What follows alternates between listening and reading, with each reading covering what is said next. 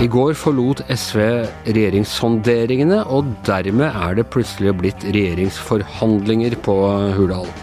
Og øh, om du har fått én eller to doser, det er ikke nok. Antagelig må du ha en tredje dose, mener vår kommentator øh, Astrid Mæland. Dette er Giæver og gjengen, og det er torsdag den 30. september.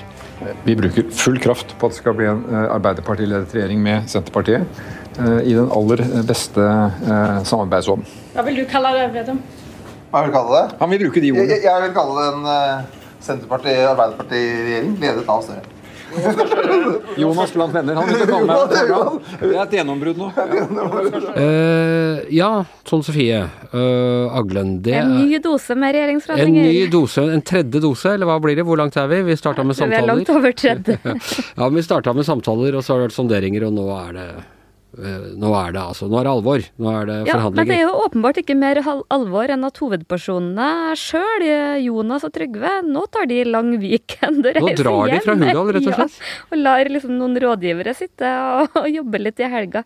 Så. Men Betyr det at de, de, har mer eller mindre hatt denne plattformen klar hele tida? Skulle de bare late som de skulle prøve å få med SV, og så puster de lettet ut, for nå har de hele, øh, nå har de hele pakka klar?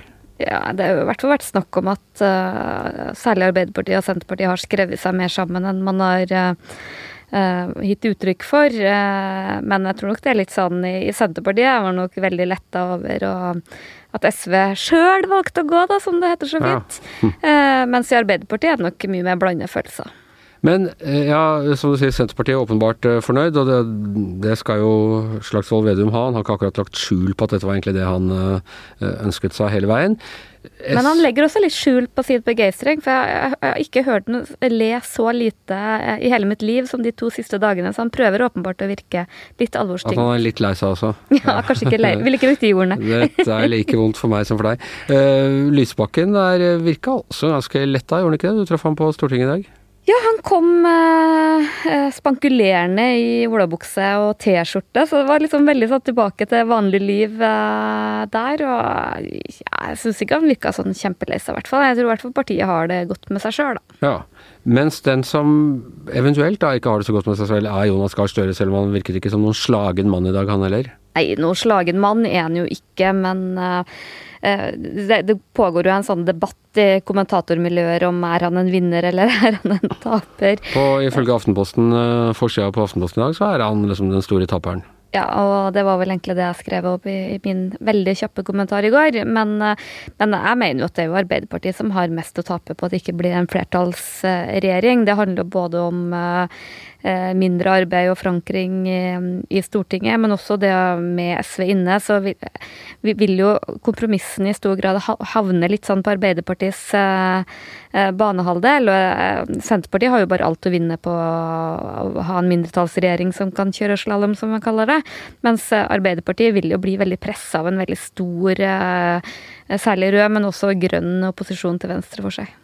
Men vil dette si at eh, det blir litt lengt, for Arbeiderpartiet litt lettere å være statsminister og litt vanskeligere å være parlamentarisk leder ja. enn, enn det ville vært? Ja. ja. Det er vel egentlig en uh, ganske god uh, oppsummering. Så det som var liksom, liksom, praten på Stortinget i dag, da, er jo at Stortinget blir jo mer uh, relevant. Og det blir jo når vi nå vi har jo Så lagt... på Stortinget er de fornøyd? ja, litt sånn, litt sånn blanda, tror jeg. Jeg tror sånn Høyre er litt sånn Oi, hvordan skal vi håndtere det her? Og dette blir dyrt, og Eh, men eh, for politiske journalister så er det ikke noe tvil om at det blir gøyere. Men, men, men bare en sånn ting Vi har jo snakka mye om regjeringskabal, som vi for øvrig må legge på nytt. Ja, vi må legge, vi satt ja. jo her og la hele regjeringen for dem og sånne ja, ting. Ja, utak i verdens lønn, ja. må jeg bare ja. si. Nei, så blir jo bildet et annet når man har en flertallsregjering. så kan man jo på en måte tenke mer at det er viktig å ha en sterkest mulig regjering, men når man ikke lenger har flertall, så må man jo ha uh, sterke forhandlingsdyktige folk også i Stortinget, som parlamentarisk leder i finanskomiteen og, og den type verv. Så det blir nok at man må tenke litt sånn annerledes enn vi har gjort i vår kabal. Ja, men du, for, å ta, for å da ta den andre enden, parlamentarisk leder i Arbeiderpartiet, hvem, eh, hvem kan få den utfordrende jobben der, tror du? Nei, en som mange har nevnt, da, har jo vært vært Rigmor Aasrud. Hun har jo vært statsråd, ordfører, hatt mange posisjoner. Også, men, ofte så er det jo litt sånn mm, en person som kanskje ikke er så superambisiøs på egne vegne heller, som kanskje har gjort de, de, tingene. Fordi veldig mange vil jo inn i, i regjering. Det, liksom, det å liksom få høre at nei, du er så viktig for partiet at du må være på Stortinget, ja. det er ofte liksom ganske dårlig trøstepremie for Men allikevel, parlamentarisk leder, det er ikke noe tvil om at det er en viktig stilling? Det er ikke noe sånn at du føler at nei. Eh, jeg ble avspist med Nei, overhodet ikke, men jeg tror liksom, det er noe Men er det litt kjipe vakter er Sånn tillitsmann i en klasse hvor det må ryddes veldig mye opp? Ja, og så tror jeg jo sånn, Nå har Arbeiderpartiet vært veldig lenge utafor makt, og en sånn um, åpenbart dyktig uh, politiker som Hadia Tajik eller Ingvild Kjerkol eller Anniken Huitfeldt, som sikkert kunne ha gjort jobben. Jeg, jeg, tror alle de tre hadde blitt uh, Jeg vet ikke om de ville sagt det, men jeg mistenker at de ville blitt skuffa hvis de hadde blitt igjen i Stortinget, for de er så viktige. Så liksom, det er liksom mange Men en del av de kanskje litt mer sånn uh, voksne politikere som har gjort det før, vært statsråd og sånn, og kanskje ikke er så på vei opp. Eh, men så er også de personlige egenskapene ganske viktige, for du må komme godt ut av det med folk i andre partier, og du må både være hardere klypa men, eh, og en god forhandler, men også ganske litt sånn raus og inkluderende. Så Høyres Trond Helleland har jo hatt den rollen og ja, komme godt ut av det med andre, andre politikere, da. Husker i sin tid når eh, regjeringen Syse utvidet og, og Willoch sendte Syse Nei, unnskyld. Regjeringen Willoch utvidet, og, og Willoch sendte Syse, som hadde vært industriminister og stortrivdes i den rollen, tilbake til Stortinget som parlamentarisk leder. Han var ikke blid, men han gikk jo inn der med en helt fantastisk grep om stortingsgruppa.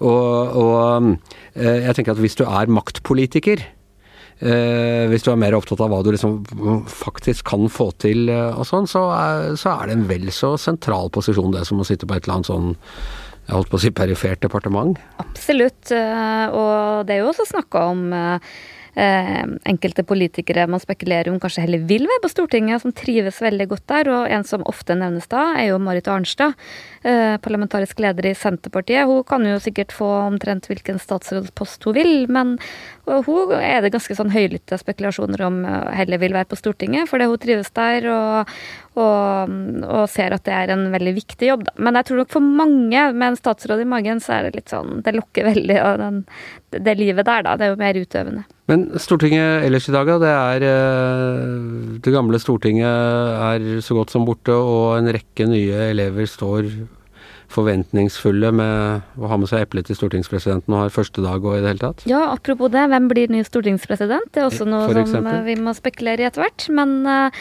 det, det, var en litt sånn her, um, artig og også litt sånn følelsesladd dag å være på Stortinget. For du hadde alle disse nye elevene som hadde sin første skoledag, og det var, var veldig gøy å se hvordan de for og virra rundt og um, prøvde å finne kantina. Noen hadde fått et lånekontor, og det er jo litt forskjellig hvor erfarne de er, da.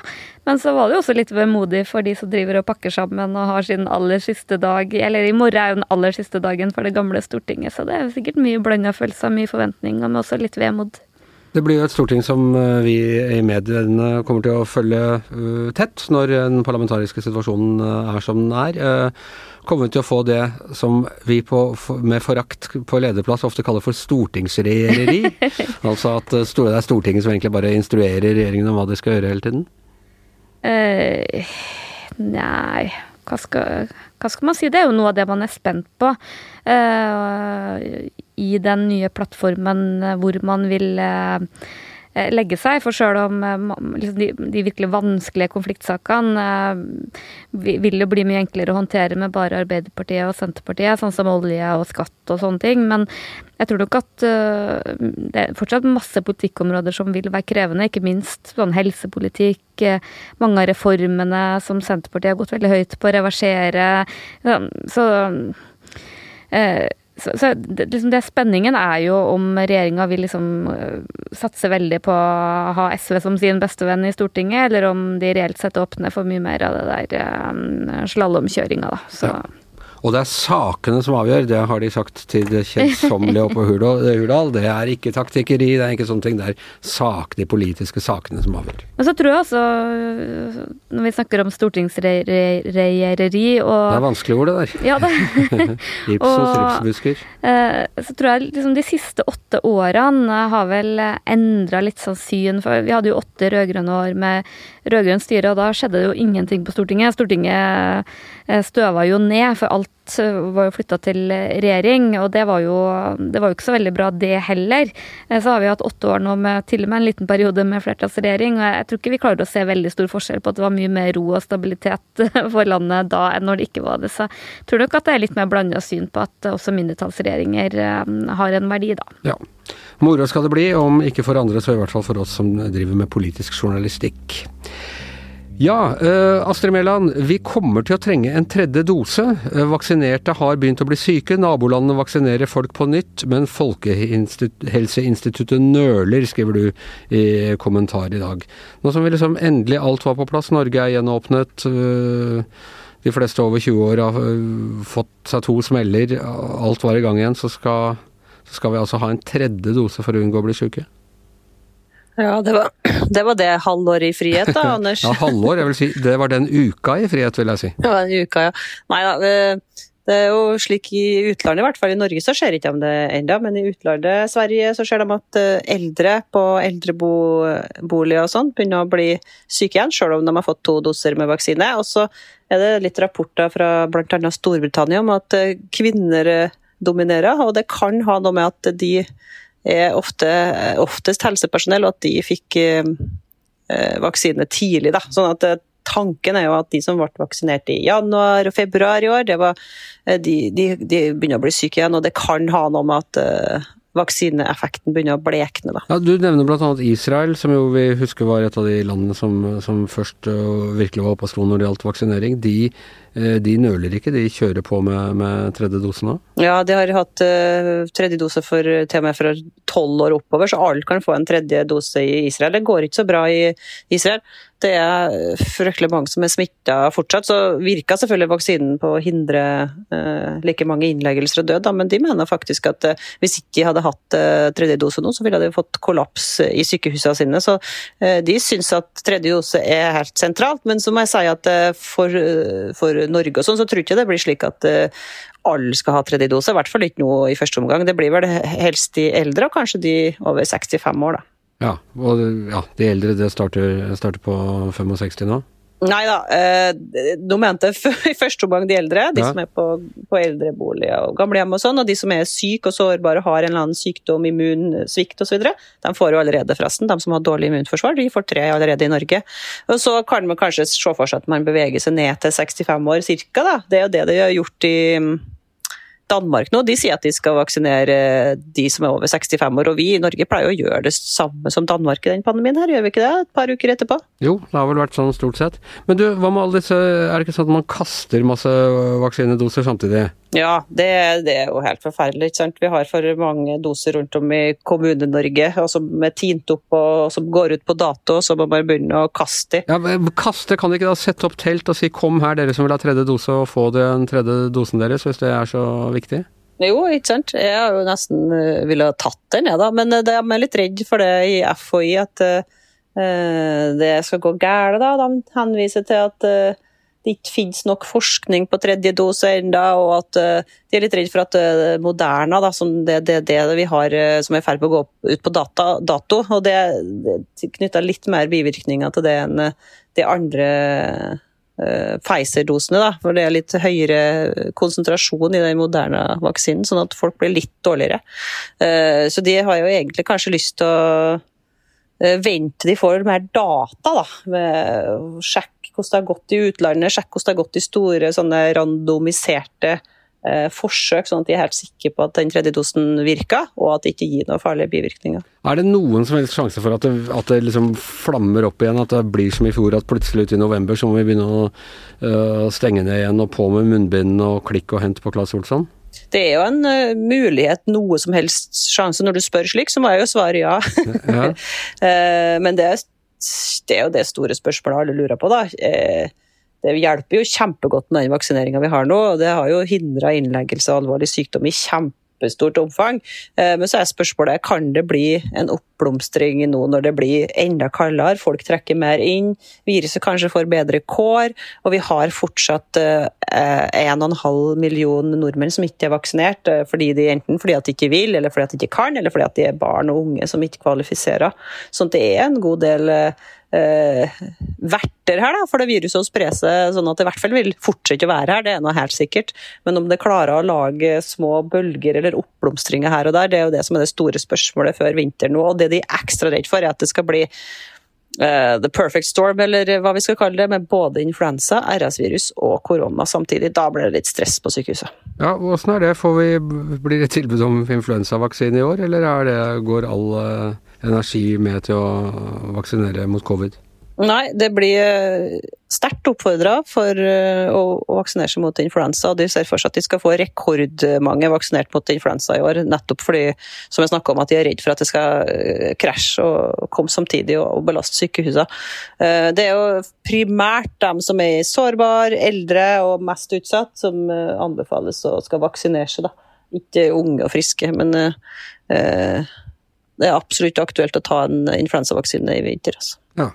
Jeg er ikke vaksinemotstander, men det er veldig mye antistoffer vi skal ha i denne kroppen. Hvis vi skal ha liksom tredje vaksinedose der, altså en influensa på toppen, på ett år. Ja, nå skal jo de store produsentene, de farmasi produsentene de skal lage en vaksine nå som putter alt det der i én. Så i framtida kommer vi til å få en kombinert eh, influensa- og koronavaksine. Det gleder jeg meg sånn passe mye til, det, det må jeg si. Men uh, tusen takk skal du ha, Astrid, på hjemmekontoret. Her i um, studio var Tone Sofie Aglen og Anders Giæver, og mannen som har vaksinert oss best mulig mot uh, alt utenom snakk. Lykkes ikke helt, selvfølgelig. Det er som vanlig produsent Magne Antonsen. Vi trenger en dose tre. Ja, vi trenger en dose tre.